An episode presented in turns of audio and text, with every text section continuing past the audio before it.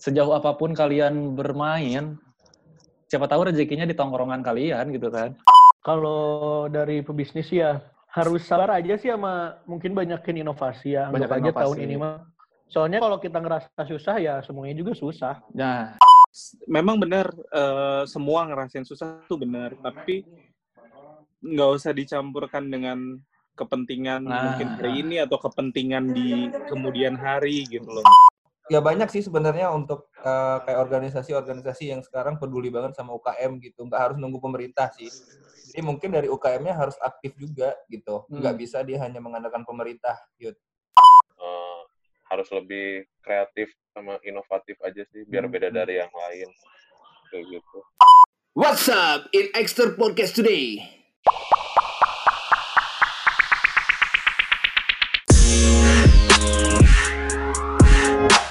Serius amat. Like and follow Axterium ID di Instagram teman-teman. oke, mantap sekali kembali lagi di Asteria Podcast kali ini bersama kembali. Oh, kita pegelain dulu bro, jangan lupa bro. Kembali lagi di Aksterian Podcast. ya beda dulu Kami dulu Ini gak ada nyaut. Wah, mantap. Mungkin nih- telat. Apa bro? ya mungkin dijelasin dulu Mas Bro sama si Mas Balat ini kita ada kedatangan tamu nih Yo, ini mau kan. Makanya kita kembali di Aksterian Podcast episode terbaru kali ini akan membahas seputar wah bisnis nih. Tapi kita mendatangkan seorang teman kita nih dari eh, dunia perbisnisan, yaitu Mas Mas Bro Balat, Bro. Bisa menyapa dulu mungkin para pendengar Mas Bro. semuanya. Yo, mungkin bisa perkenalan dulu sedikit terus lagi menjalankan bisnis apa nih, kegiatan-kegiatan. Iya. Halo semuanya sebelumnya nama saya Balad Al Barokah. Oh, mantap banget. mantap Islami banget ya. Cuman Yoi. kelakuannya mah kurang sih. Panggil- panggilannya Balad aja. Kalau sekarang lagi sibuk ngerjain ngurusin kedai gitu sih. Iya. Ah, ah, sama ada satu lagi eh, dojo Muay Thai gitu. Cuman lagi lebih fokus di kedainya. kedainya apa tuh namanya tuh? Kasih tahu nih. Namanya Gon Chicken Bowl. Bisa dicek Go di Chicken Ball. Instagramnya. Oke, mantap. Ini berarti kita udah kedatangan pebisnis muda, Mas Balat, yang menjalankan bisnis eh, makanan dan juga bela diri nih. Hati-hati kita ditendang, bro. Tapi kita kembali lagi dengan trio laris manis, Yudis di sini, oh, Bas Berojan juga, Mas Bro Adi nih. Bagaimana kabarnya nih sebelumnya? Baik ya semua ya? Aman ya? alhamdulillah sehat Aman, Yud. aman. Yoi. Kita kali ini akan membahas seputar bisnis di era pandemi, bro. Sekarang lagi ha- apa namanya? Mungkin ini keresahan banyak pebisnis, bro. Tapi mungkin ini bisa dijawab dulu mungkin ya pertanyaan awal dari Yudis yaitu bagaimana kalian melihat dunia bisnis di era pandemi ini, bro, bro semua nih. Ini kita ada dua aspek nih di dan Bras Berojan pihak yang tidak bisnis dan Mas Bro Adi juga Mas Bro Balat nih. Oke, Mas. dari Mas Bro Balat mungkin ya yang pertama karena bintang tamu. Bisnis di era pandemi ya. Yoi. pasti susah sih ya. Oh. Maksudnya eh kalau bisnis saya kan kehitungnya baru ya. Jadi Oh baru ya. ibaratnya masih belum belum lama gitulah. Mhm. Jadi ibaratnya saya ngambil momen eh, di era pandemi ini berbisnis hitung-hitung belajar aja. Jadi kayak eh mumpung nih waktunya ko- kosong kan waktu itu sempat WFA juga. Mm-mm. Eh bukan WFA apa namanya? Di isolasi ya. Iya, lock- mungkin- lockdown, lockdown. sedikit cerita sih di era pandemi itu malah bisnis ini terbuat gitu. Oh, oh berarti saat pandemi justru mendatangkan Iya. ide bisnis Ah, ini ya. ah, ah, ah. Ya, jadi kayak tester segala macam. Dulu tuh sempat kerja sebenarnya. Nah, Hmm. sebulan terakhir kerja tuh saya nggak kerja, saya nontonin video masak. Terus Nggak apa-apa, bro. akhirnya- nah, beres resign tuh pas banget isolasi mandiri di rumah. Nah, waktu isolasi itu baru deh eh, nyoba-nyoba masak, tester sampai akhirnya terciptalah si Gon Chicken Bowl ini. Cuman kalau dari proses bisnisnya ya susah sih. Maksudnya Hmm. apalagi sempat juga di zaman WFA kan eh di zaman isolasi mandiri waktu Iya, itu sempat jalan juga langsung.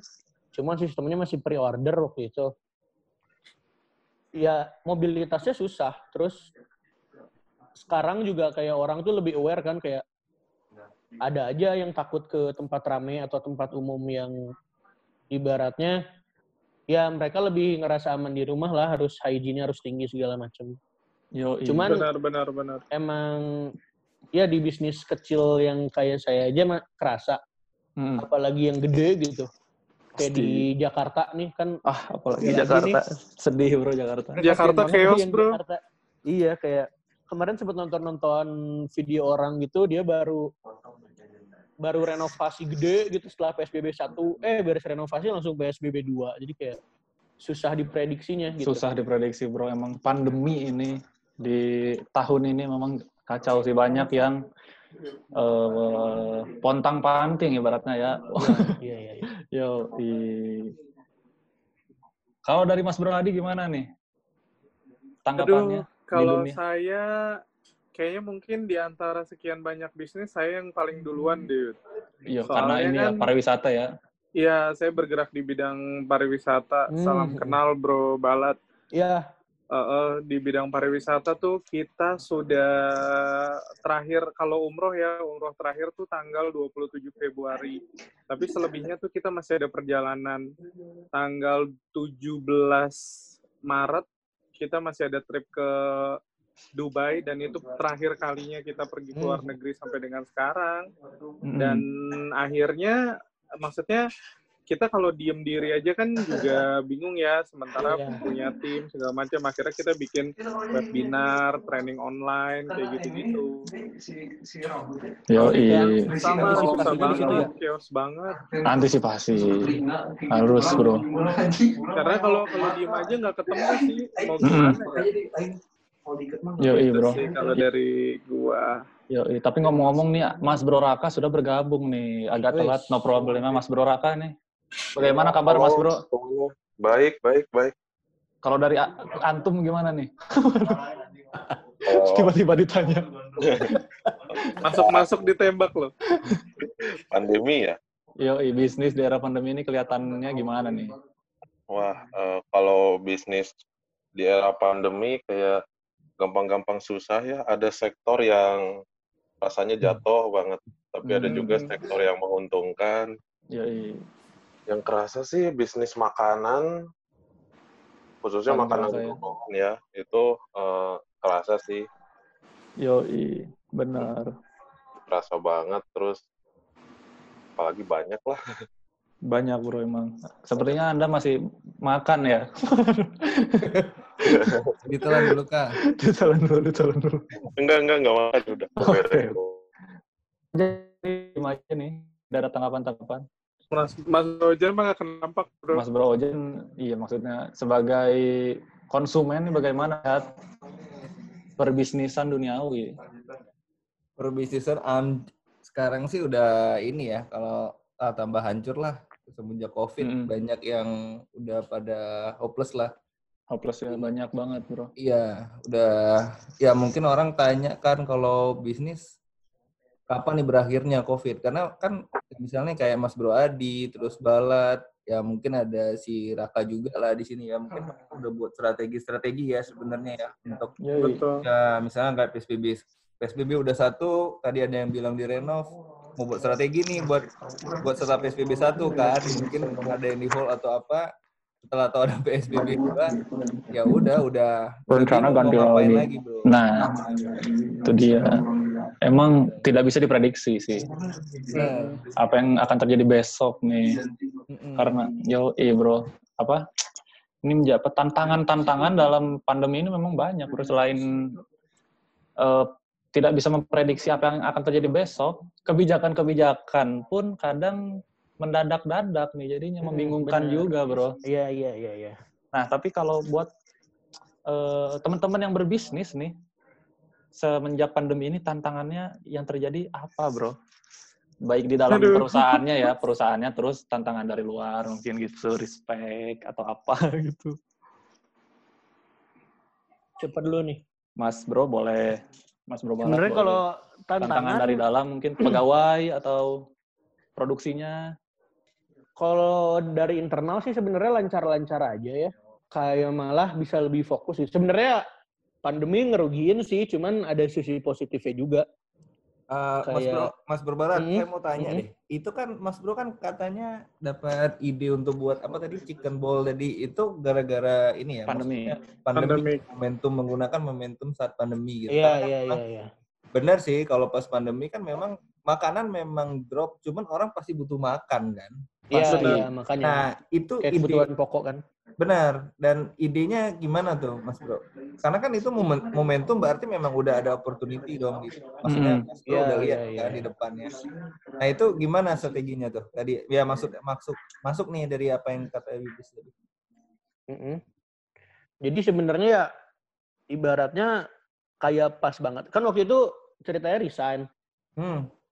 Terus ya udah nggak tahu mau ngapain dong kayak ya kerja juga WFA WFAan. Kalau saya mah dikasih WFA kayaknya nggak akan kerja. Mm-mm. Jadi kayak mending ngerjain sesuatu sendiri gitu. Mm-mm. Waktu itu waktu resign tuh pas banget seminggu diberlakukannya WFA. Jadi kayak ya udah dah di rumah orang harus isolasi mandiri di rumah ya udah di rumah aja nah.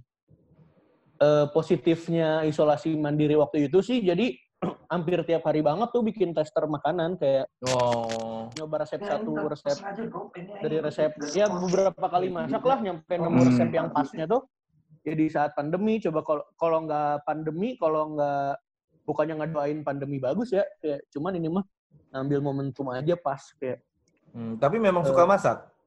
enggak baru baru nyobain malah Oh, baru nyobain ya. Heeh, heeh.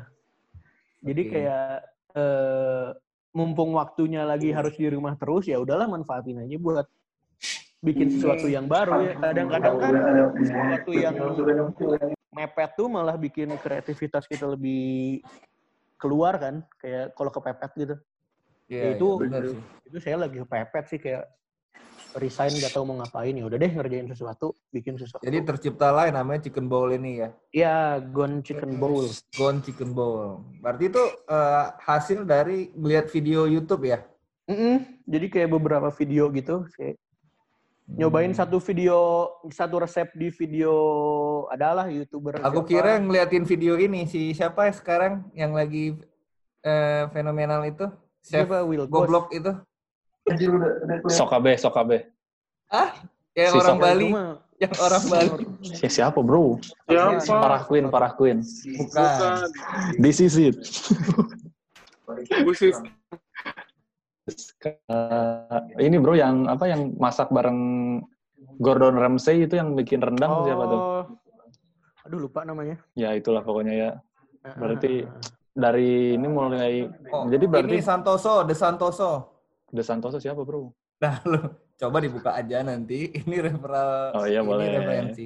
Referensi boleh. Jadi dia buat masak buat YouTube ya. Itu yang dia sampai-sampai diundang di Dedi juga di Master Chef dia bilang dirinya Bobon, Bobon Santoso gitu yang Bobon Santoso. dia masaknya masak-masak aneh-aneh misalnya masak eh, kalong, masak Wow, kambing micin spicy. Kayak lu yang aneh-aneh sih. emang yang Lucu aneh aja. sekarang laku sih emang. Di Ya, YouTube apalagi ya. 2 juta, Bro. Mantep itu. Seporsi. Oh, itunya s- subscribernya. Subscriber seporsi. Oh, gua pikir seporsi. Udah 2 juta, Mas Brady. Yoi. Masak-masak aneh-aneh doang. Daging kalong, daging babi, pokoknya semuanya dimasak di sana. Waduh, hati-hati corona. Ya, begitulah mungkin ya. Yoi, tapi tantangan dari luarnya apa nih, eh, Mas Bro Balat? Tantangan dari lu dari luar sih apa ya Tentunya ini ya mungkin terkait corona ini ya mungkin. Mhm. Karena itu sih corona. mobi- mobilitasnya sulit sih. jadi kayak nganca- kebetulan tempat tuh kurang strategis tempatnya Oh, iya. lokasi jualan tuh nah jadi kayak kan ada salah satu yang kita tuh emang pengen ngeramein event-event di Bandung kayak Oh, ngisi stand segala macam nah sekarang nggak bisa kan sekarang nggak bisa. Malah bro. sebelumnya tuh ada yang udah nawarin Oktober itu tuh dari jauh-jauh hari. Oktober nih mau ada acara kita mau ngundang Gon buat ngisi salah satu stand di Stand-nya. acara kita. Hmm. Gagal jadinya kayak gitu sih. Ah, emang bro. Selalu dari, dari lama, tapi emang tidak bisa diprediksi ya. Mau mau gimana lagi kan, jadi sulit gitu. Tapi ini ngomong-ngomong Raka tuh sama sa- ini juga bisnisnya joinan gitu, atau gimana nih? Hmm, saya? Nah, joinan sama Mas Bro Balat atau gimana nih? Oh enggak, kalau saya mah Oh, enggak ya. pelanggan tetap. Oh, pelanggan. pelanggan tetap di Gon. Raka tuh brand Mantap. ambassadornya, bro. Ah, udah setelah Raffi Ahmad, bro. Mungkin. Amin. Emang Raka tuh R-nya Raffi, bro. A-nya Ahmad, Raffi Ahmad. Jadi Raka. Mantap. Mantap. Sisanya, sisanya nggak ada, berarti. Tapi kalau Mas Bro Adi gimana nih tantangannya, bro? Menjalankan bisnis pariwisata.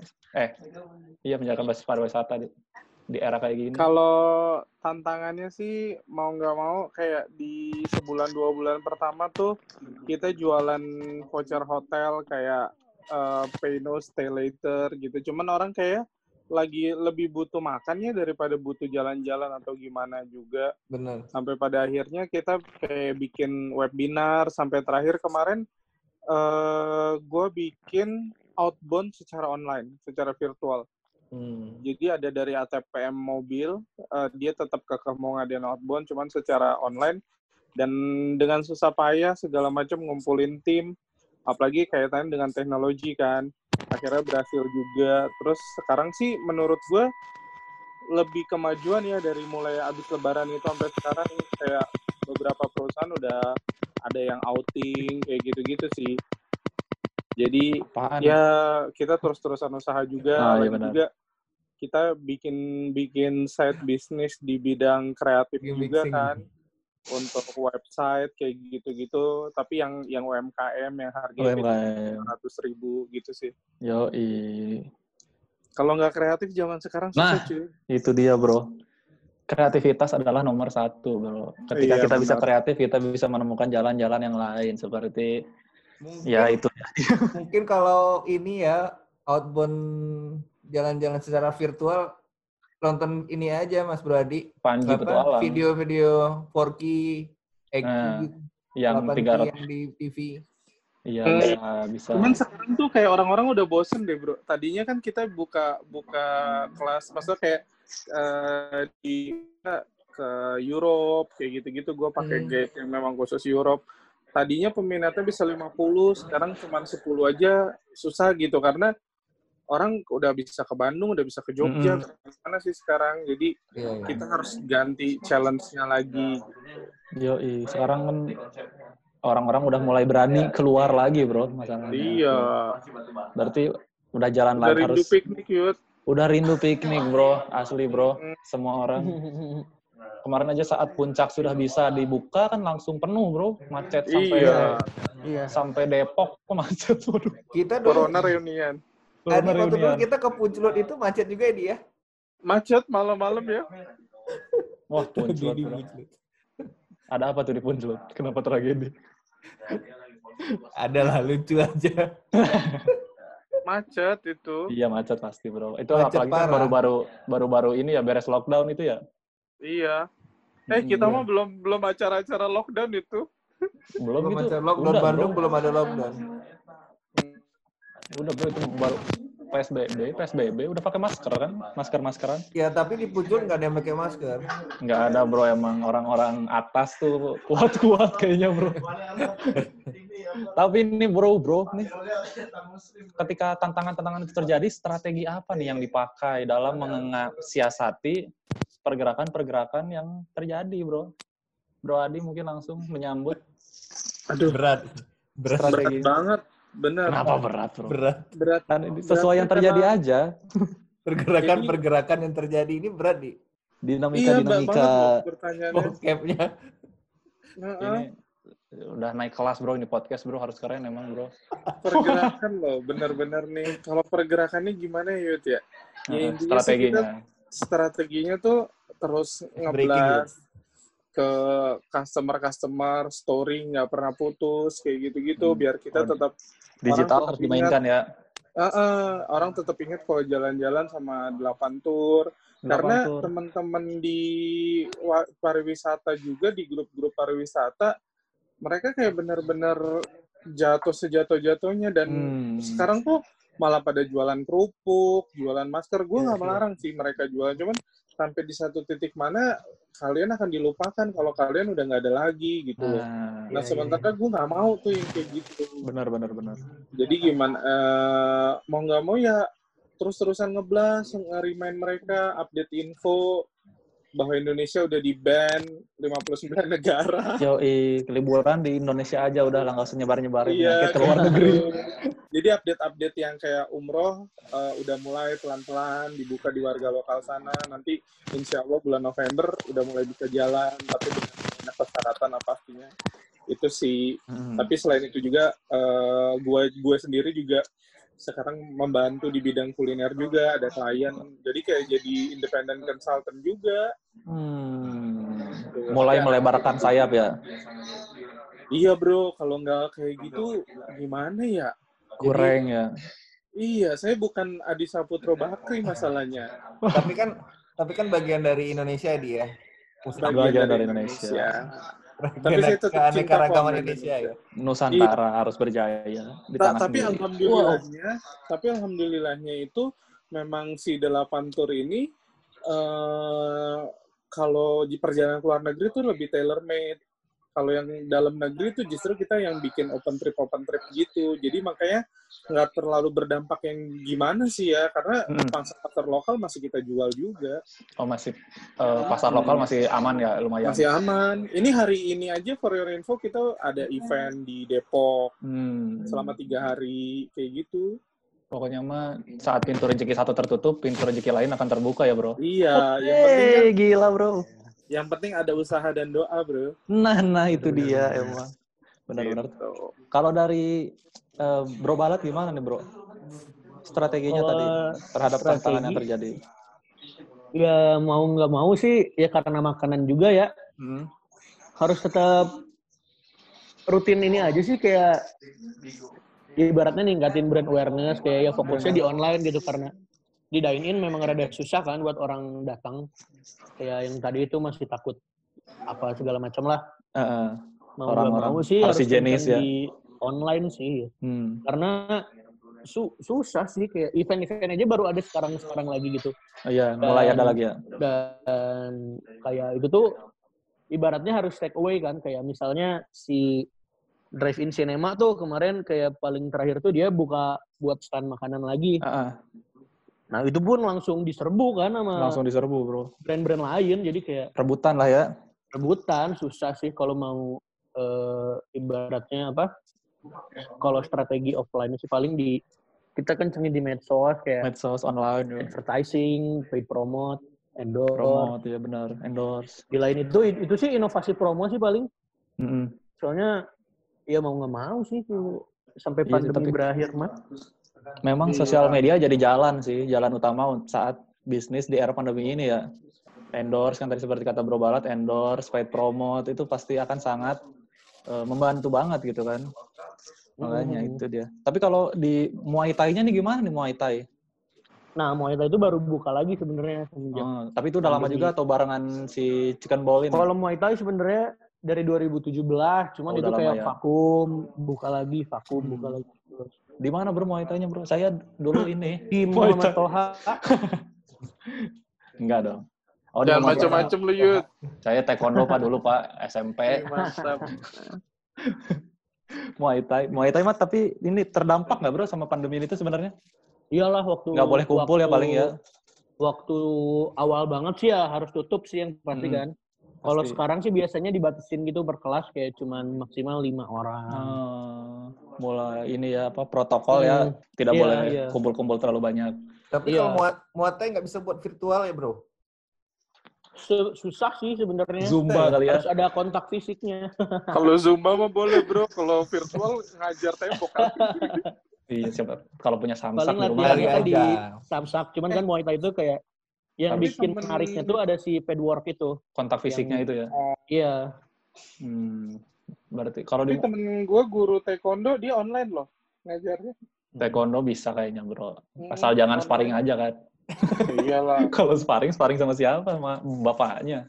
Di Sekarang kan, layarnya. sekarang kan mau nggak mau harus virtual yud. Kemarin kita bahas tentang yang benar. maraton virtual kan ada yang 5K Iya, berapa gitu. Nah maksud saya apa nggak bisa kayak gitu tuh? Di Muay Thai. Mm-mm. Ya nggak bisa diaplikasikan Sebenarnya gitu. ya. sebenarnya bi- bisa. Cuman eh, mungkin fokusnya ke teknik sama ke kardio. Jadi Hmm. kontak fisiknya nggak ada. Sedangkan si Iya, Muay iya. Thai itu di Indonesia sendiri yang bikin Muay Thai rame itu kontak Si- fisiknya ya. kontak fisiknya. Hmm. MMA gitu Muay Thai kan itu ya, bebas tarung bebas. MMA tuh campuran Beda. sebenarnya. Ah, campuran gitu. Mm. Thailand tuh, Selesai- Muay Thai. Selesai corona gue Muay Thai Ayut. Wow. Gas bro, kita bisa mungkin virtual belajar teknik-tekniknya nih dari Bro Balan. Iya. Wah. Tapi kalau Bro Raka nih ikutan Muay Thai juga nggak? Waduh. Oh, enggak sih, kalau saya pengen nyobain aja waktu itu. Hmm, tapi kalau eh, Bro Balat nih di era pandemi ini eh, apa namanya ya? Melihat apa namanya? eh, melihat bisnis support-support kepada bisnisnya gimana nih? Apakah selalu kan teman-temannya pasti ada yang bisnis gitu kan ya?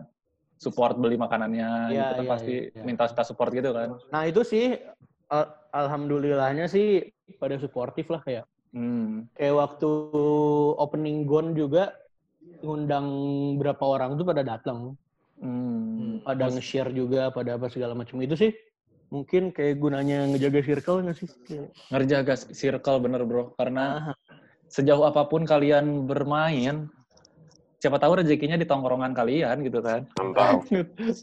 Gitu, emang gitu bro. Ya, tuh bro Raka. Bener gak bro? Setuju. Setuju ya. bener Rak? Iya, Coba. benar sih. Beropini dong. Bro, bro Raka, Bro Raka mau tanya Bro, pertama Iya. kali ikut Muay Thai malamnya bisa tidur nggak Bro? Bro Raka nggak ikutan Muay Thai bro. Iya, dia pernah nyoba. pernah nyoba sakit Oh badan. pernah nyoba. Aduh. Sakit. Malam nggak bisa tidur dong. Bisa, cuman nggak nyaman tidurnya. Mending dirutinin sekalian, tapi badannya jadi. Ih, Oh. Tapi sesering apa Anda beli Gon Chicken Bowl bro? Kalau nongkrong, nggak tahu Oh, tempat nongkrong ya. pasti kan. Oh, di mana sih Gon Chicken Bowl ini bro? Bro Balat?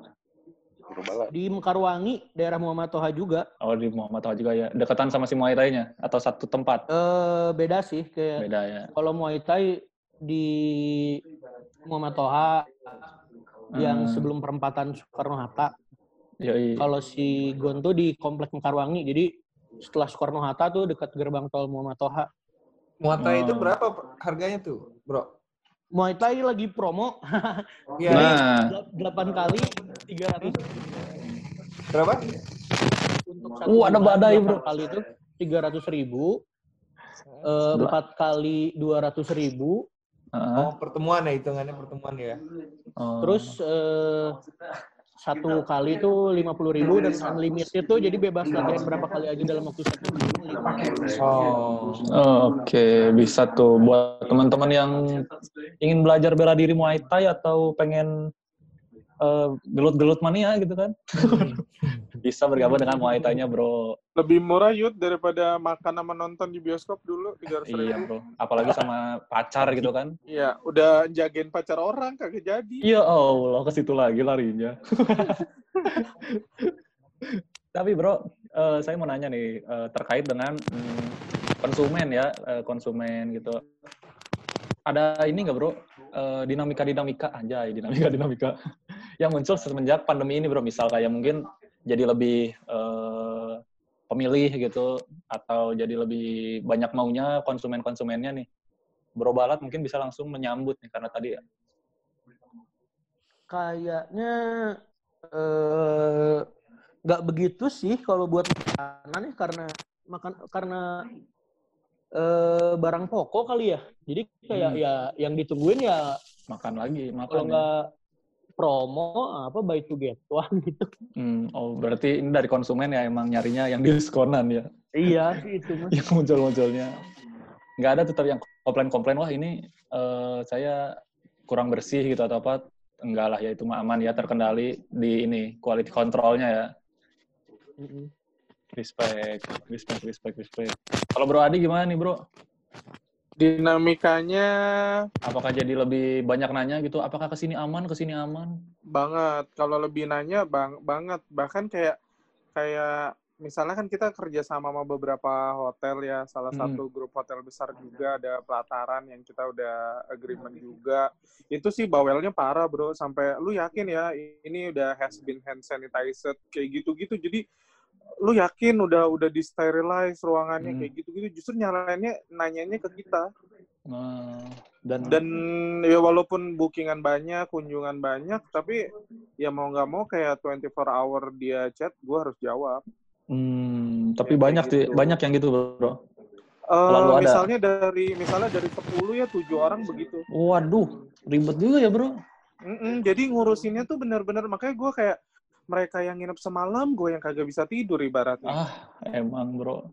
kayak hotel kamarnya gini kan maksud gue ketika ya maksudnya itu our service sih jadi orang taunya gue bukan hotelnya Mm-mm. gue misalnya eh, ada hal-hal yang misalnya contohnya air panasnya nggak jalan segala macam komplainnya ke gue Hmm. emang gue yang punya hotelnya gitu padahal kan kita cuma jual vouchernya aja kan tapi ya nggak apa-apa lah yang namanya service kan memang seluas itu jangkauannya gitu sih Karena eh, penyedia jasa penyedia jasanya juga kan Bro Adi ya, Bro. Iya, penyedia jasanya kita juga dan sampai hal-hal yang gue mau rapid test di satu daerah gitu letaknya di mana, gue harus cari tahu.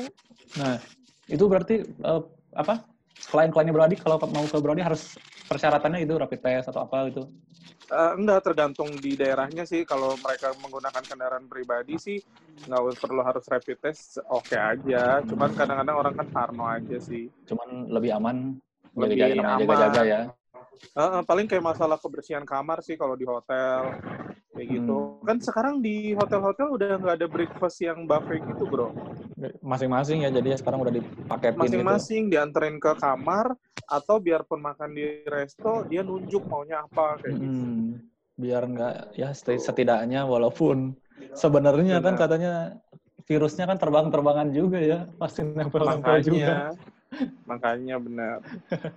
Tapi Gitu bro, sih. kalau dari bro Ojan sama bro Raka nih sebagai konsumen, apakah sekarang jadi tipe orang yang pemilih-pemilih gitu kalau mau eh, jajan apa beli makan gitu milih-milih wah ini kayaknya kurang sih di sekarang gimana nih bro Ojan nih? Kalau gue sih nggak ada sih, nggak berdampak sih gue. Enggak, maksudnya enggak enggak Nggak milih-milih makanan nggak sekarang. milih-milih, tetap Nah, nggak iya. milih. Oh, Tetap tunjang sama kikil ya, Bro. Iya. Soalnya Yud- Yudis gitu Nggak bro sekarang kalau agak eh, tempat makannya wah ini agak-agak kurang ini kayaknya nih eh, nggak ada nggak ada Kan kayak dine in nggak boleh, Yud. ya kan di warung-warung gitu kan resto-resto kecil kan masih aja yang bandel-bandel gitu. Oh iya, tapi Ketika kita kalau lagi di luar kalau kan. gue- kalau aku sih nggak ada milih sih, masih tetap ya kayak dulu aja, Langsung sikat-sikat aja ya. sikat aja. Karena kan Sikat, di luar bro. kan, makannya di luar kan. Heeh. Kalau bro Raka gimana bro? Kalau Sama aja nih. kamu sih sama sih nggak ada pilih-pilih Nah, makanan. sama, Paling, sama. Atau kalau mau nongkrong-nongkrong gitu? paling Apalagi pilih-pilih tempatnya aja yang Nah. nggak terlalu ramai. Nah itu dia maksudnya apalagi kalau juga. dibayarin, Yud. Nggak milih ini gue. Aduh kalau dibayarin saya milih yang mahal bro, pilih-pilih malah. Kalau Restoran yang mahal ya. hayu. Iya, kalau dibayarin saya milih yang mahal, bro. Jangan kalau dibayarin mah jangan milih yang murah. Pilih-pilih juga jatuhnya kan. dibayarin pilih lagi ya. Iya, bro. Nggak apa-apa, bro itu. Penting, yang penting tadi benar sih kata Bro Raka, eh, lihat tempatnya gitu kan kalau tempatnya. Biasanya aja kalau nggak pandemi aja kan kotor gitu kan. eh, kurang gitu, apalagi pas pandemi gini kan mungkin selain ada virus COVID juga ada virus-virus yang lain, wah takutnya gitu kan. Atau ada tomcat gitu kan. Wow, Coba. Bahaya kan gitu. Makanya- bahaya, Yud. Aku udah pernah kena soalnya. Wow, tomcat itu kalau kita kena terus ada bercaknya ngelingkar di ini gitu bro, kayak cincin ya bro? Oh, enggak kayak cincin, panas banget. Kena muka lagi. Waduh bro. Jadi panas, memang panas. panas Lu banget. kena di mana, Bro? Enggak di sini, di apartemen sini eh, enggak ada tomcat. Enggak tahu gue kenapa di. Ketempelan bro itu mah bro. Enggak, enggak. Memang memang udah ada di warning di bawah dikasih tahu, diinformasiin ah, memang lagi banyak. Eh, enggak tahu Hmm. dari mana terbang dari mana sih, di. Oke. Panas Emang banget. Berhati-hati makanya itu bro. Tempat-tempat kotor itu kan atau terlalu ap- apa gitu suka ada aja kan.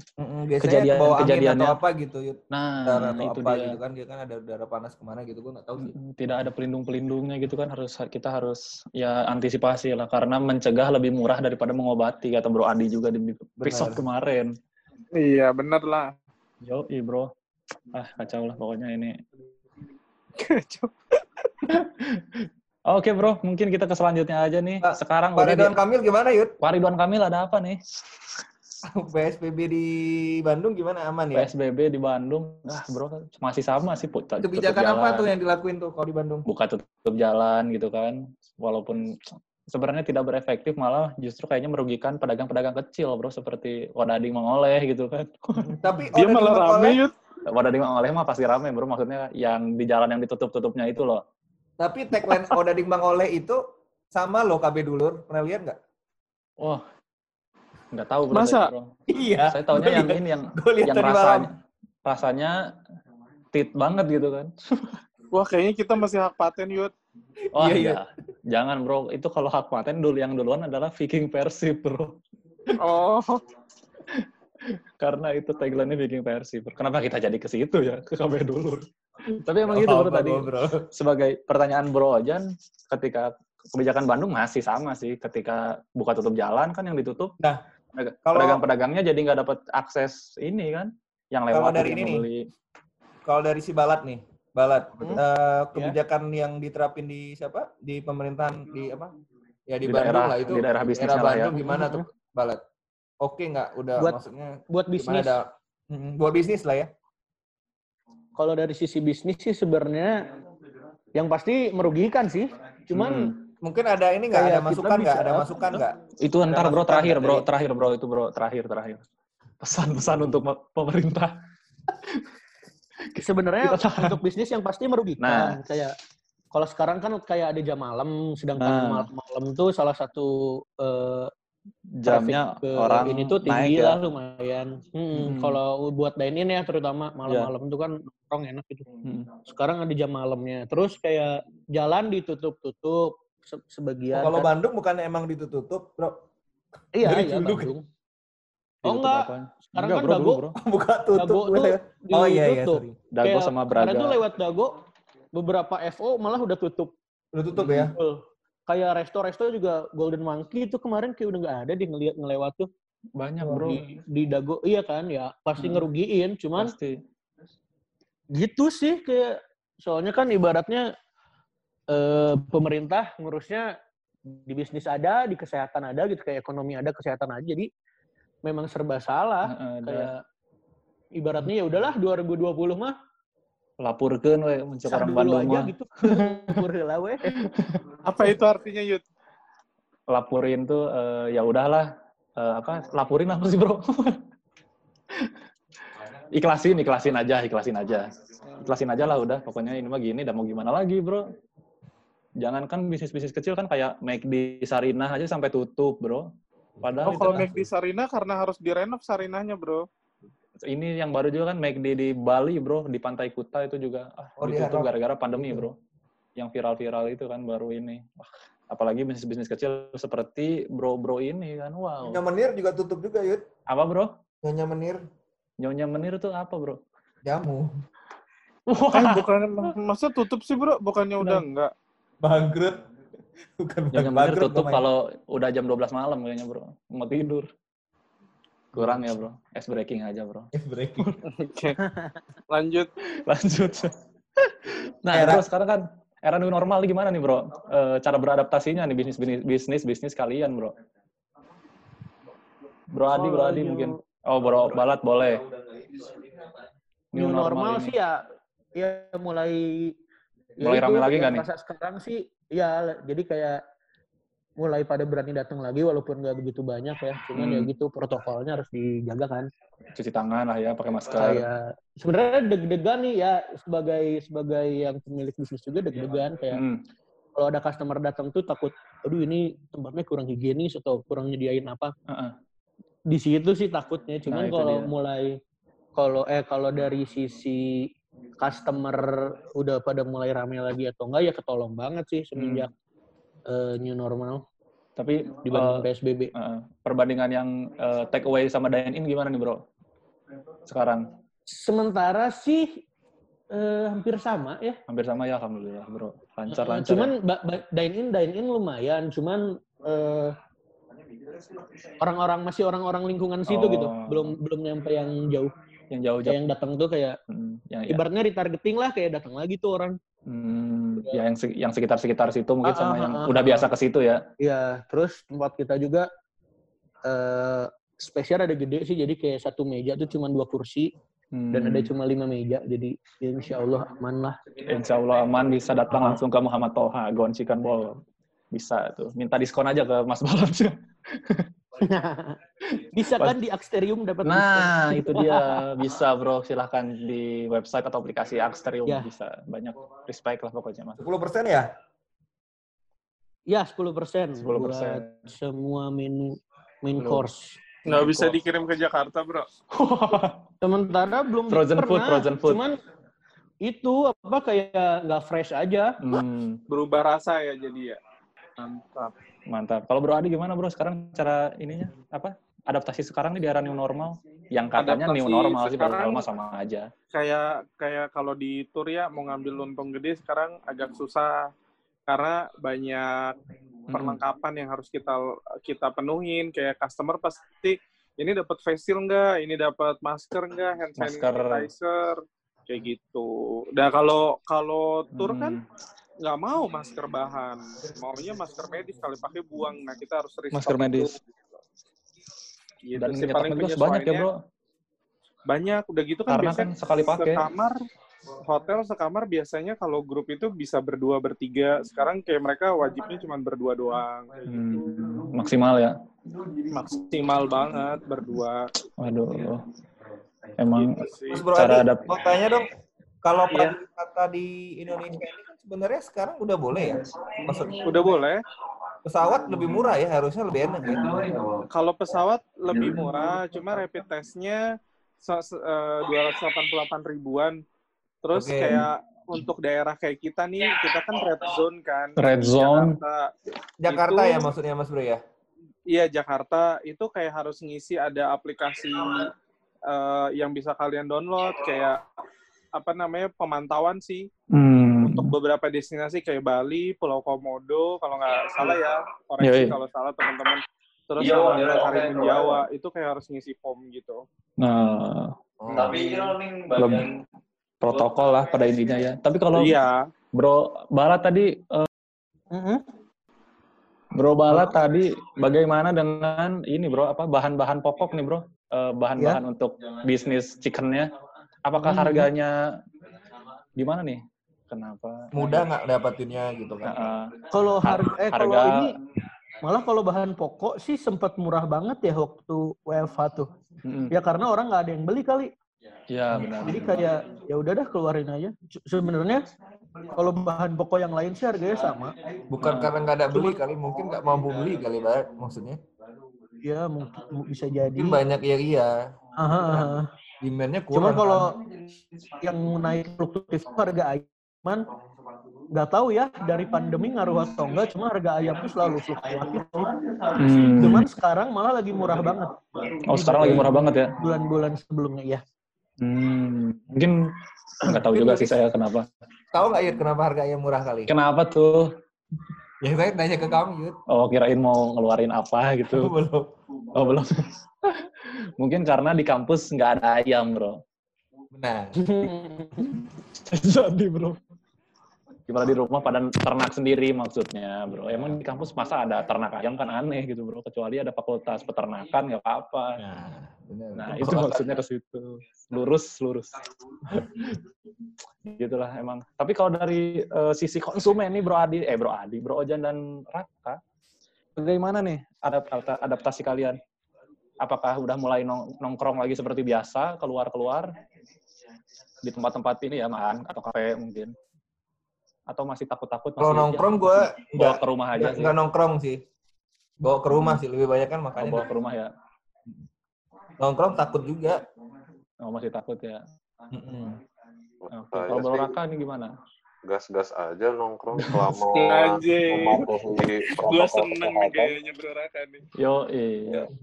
Kalau masih pakai masker, masih jaga jarak, kenapa enggak? Enggak, nah itu dia bro. Tapi itu kadang-kadang kalau pas kita nongkrong ya kita kelupaan. Takutnya seperti itu sih. Mm-mm. Kak. ya ya ya ya Kelupaan misalnya nih berdua nih sama Raka atau ngobrol sama Adi sama ini kan takutnya kita kelupaan kayak ya jarak kayaknya memang harus dijaga tiba-tiba karena keasikan masker udah kebuka aja atau apa gitu. Nah ini yang agak ngeri sih sebenarnya. Dan Kita pasti nggak dibuka sih aja. bro. kalau ngobrol pakai masker kan kayak kurang enak gitu. Iya, nggak terkontrol dia. Nah, itu dia yang penting sikat gigi lah jangan lupa biar pulang. Iya. Makan odading juga biar nggak gue inget oh dading sama lambung yut gue jadi ketawa sendiri Oh, aduh, ja, iya bro. Emang kita dibuka masker nggak nularin corona, tapi kan kalau bau mulut juga bahaya juga bro. Kasihan teman kita yang mencium.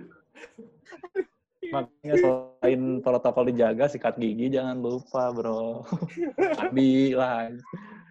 Biar bersih kan kita nongkrong gak enak gitu. Mau ke mana pun kan kata bro Raka juga gas-gas aja gitu. Yang penting protokol kesehatan dan kebersihan dijaga. Respect. Pokoknya kita harus support bro. Karena kalau di sini tidak kita support ya mau gimana bro? Kasihan juga kan. Mm, bener sih, Mas Bro. Nah, itu dia bro. Makanya gini mungkin eh, teman-teman punya pesan nih untuk pemerintah dari para pelaku bisnis nih bang. Apa? Boga punya pesan nggak nih bro? Terakhiran nih harus bijaksana. Wow. Dari bro bro Pala mungkin sikat. Kalau dari pebisnis ya Heeh.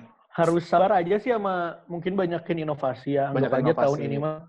Soalnya kalau kita ngerasa susah ya semuanya juga susah. Nah, Jadi kayak emang emang emang fasenya harus ini dulu gitu loh kayak. yoi. Iya kalau ibaratnya kayak tadi yang eh, di bisnis pariwisata tuh Hmm, ya minimal harus tetap eksis lah soalnya kan nggak ada yang bisa dilakuin lagi gitu. hmm, benar benar. Dari ya bikin webinar atau apa segala macam biar kelia biar tetap kita tuh ke publish di market gitu. Mm-mm. Gitu sih paling banyak. Tapi kalau untuk pemerintah ada pesan nggak nih? sebenarnya dari sisi Tolong pemerintah support gambling kami gitu sih kan. yang yang pasti ekonomi harus jalan kan cuma kesehatan juga harus jalan juga harus bagus Hmm. juga jadi mungkin buat pemerintah ya di Support bisnis-bisnis kecil gitu ya. nah, bisa bisa kayak gitu eh, kayak dia disupport dalam bentuk apa pun lah gitu ya Hmm. terutama UKM UKM Ya, gitu poin pemerintah ini harus saling support lah kita sebagai Iya, rakyat iya, iya. dan para petinggi-petinggi Indonesia harus saling support biar Indonesia tetap menjadi macan Asia. Ini lagi mas- jadi macan Asia sekarang bro, corona tertinggi Asia Tenggara Iya. bro. paling ditakuti ya Paling ditakuti bro. Jalan mau corona. Kalau dari Bro Adi, Bro Adi gimana nih? Pesan dari Bro Adi untuk pemerintah Eh, pesannya dalam hal bisnis ini ya. Odading Ah. Mang Oleh. pesan, Rasanya pesannya gini sih eh, udahan deh mainan corona coronaannya corona tuh serius loh bukan Benar. main-main atau segala macam memang benar eh, semua ngerasain susah tuh benar tapi nggak usah dicampurkan dengan kepentingan Nah. mungkin hari ini atau kepentingan di kemudian hari gitu loh jangan Contohnya- pernah jadi Contohnya pilkada bisa ya Mas. Bro ya? Hmm, ah, sedih bro, bisa. asli bro. Eh, eh, sekolah nggak bisa, mau bisa buka. Saya- Makanya ini yang buat Jadi kita saya- juga. Jadi saya berpikir udahan makanya mainan corona-coronaannya, vaksinnya segera didistribusikan, ayo kita bangun Indonesia lebih maju lagi. Gitu. Hmm, Beresin dulu satu ya bro, jangan langsung langsung sikat-sikat Iya. semua padahal nggak bener gitu kan. Bener, kayak kayak banyak hal sih, PSBB segala macam. Ya maksud maksudnya ya gue mendukung apa pun yang menjadi kebijakan pemerintah itu yang terbaik gitu. Tapi tolong dipikirkan lebih jernih dan pakai hati nurani sih bahwa kalian semua menjadi pemimpin tanggung jawabnya sampai nanti di akhirat nanti. Wah itu dia Gitu. bener. Wih, Ngeri, ngeri, ngeri. dalam dalam Ngeri. Dalam, dalam bro, dalam bro. 13 outlet gue cuma 4 bro yang buka. Iya Allah. Bahkan nggak sampai setengahnya ya bro. Iya. Ayo pemerintah tolong support support kami para pebisnis kecil. Walaupun dosanya besar. Jangan dong, amit Tapi kalau dari Bro Ojan sama Bro Raka nih, pesan untuk para pebisnis di era pandemi ini, harus gimana? Ada nggak nih? Nyemangatin gitu kan, biar semangat aja. Aduh siapa tuh yang ngantuk? Wah.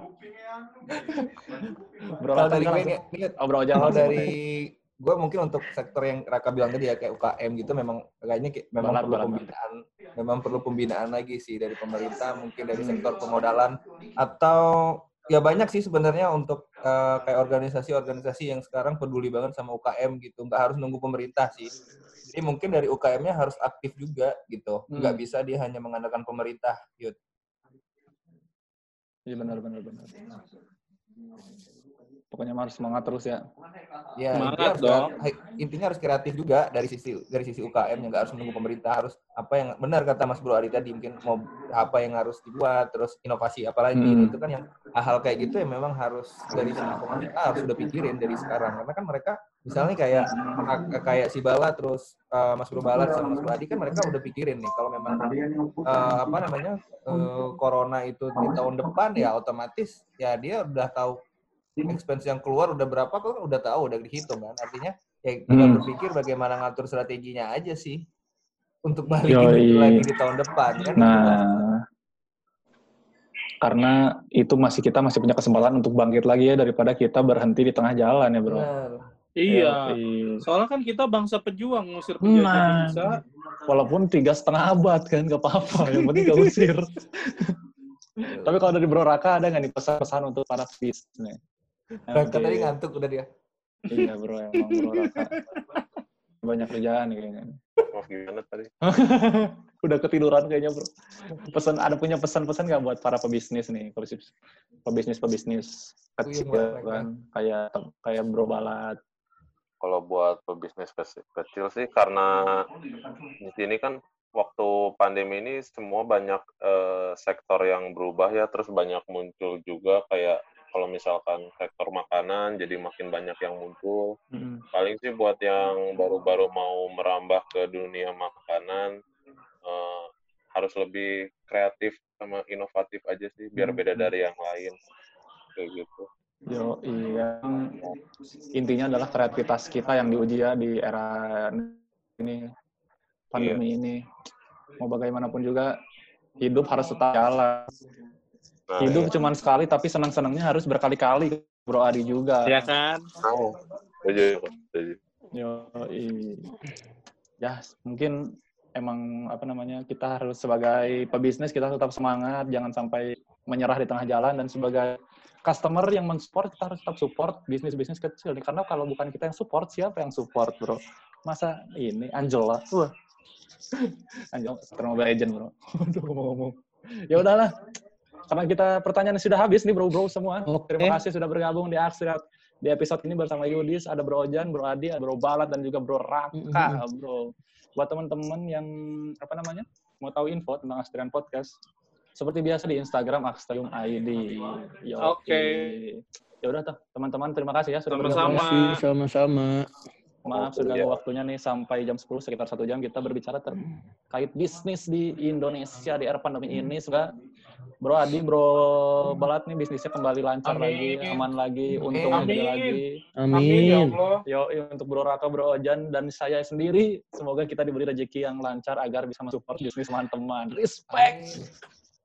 Yoi, kalau begitu, stay tune terus di Aksterian Podcast. Abe KB dulu Awe dulu. Wah ini kayak kita harus ulang, kita briefing dulu Raka sama Balat nih. Kalau saya Aksterian Oh. Podcast, kalian KB dulu ya bro, biar kompak aja. Apa-apa? KB dulu. Kalau saya Kami bilang dulur. Oh Nah, iya siap. Kalau saya bilang Aksterian Podcast, langsung disambut KB dulur, karena kita semua saudara. Oke. Oke, siap. Oke, respect buat teman-teman saya itu di Aksterian Podcast. KB KB dulur. Mantap banget kompak. Assalamualaikum warahmatullahi wabarakatuh. Waalaikumsalam warahmatullahi wabarakatuh.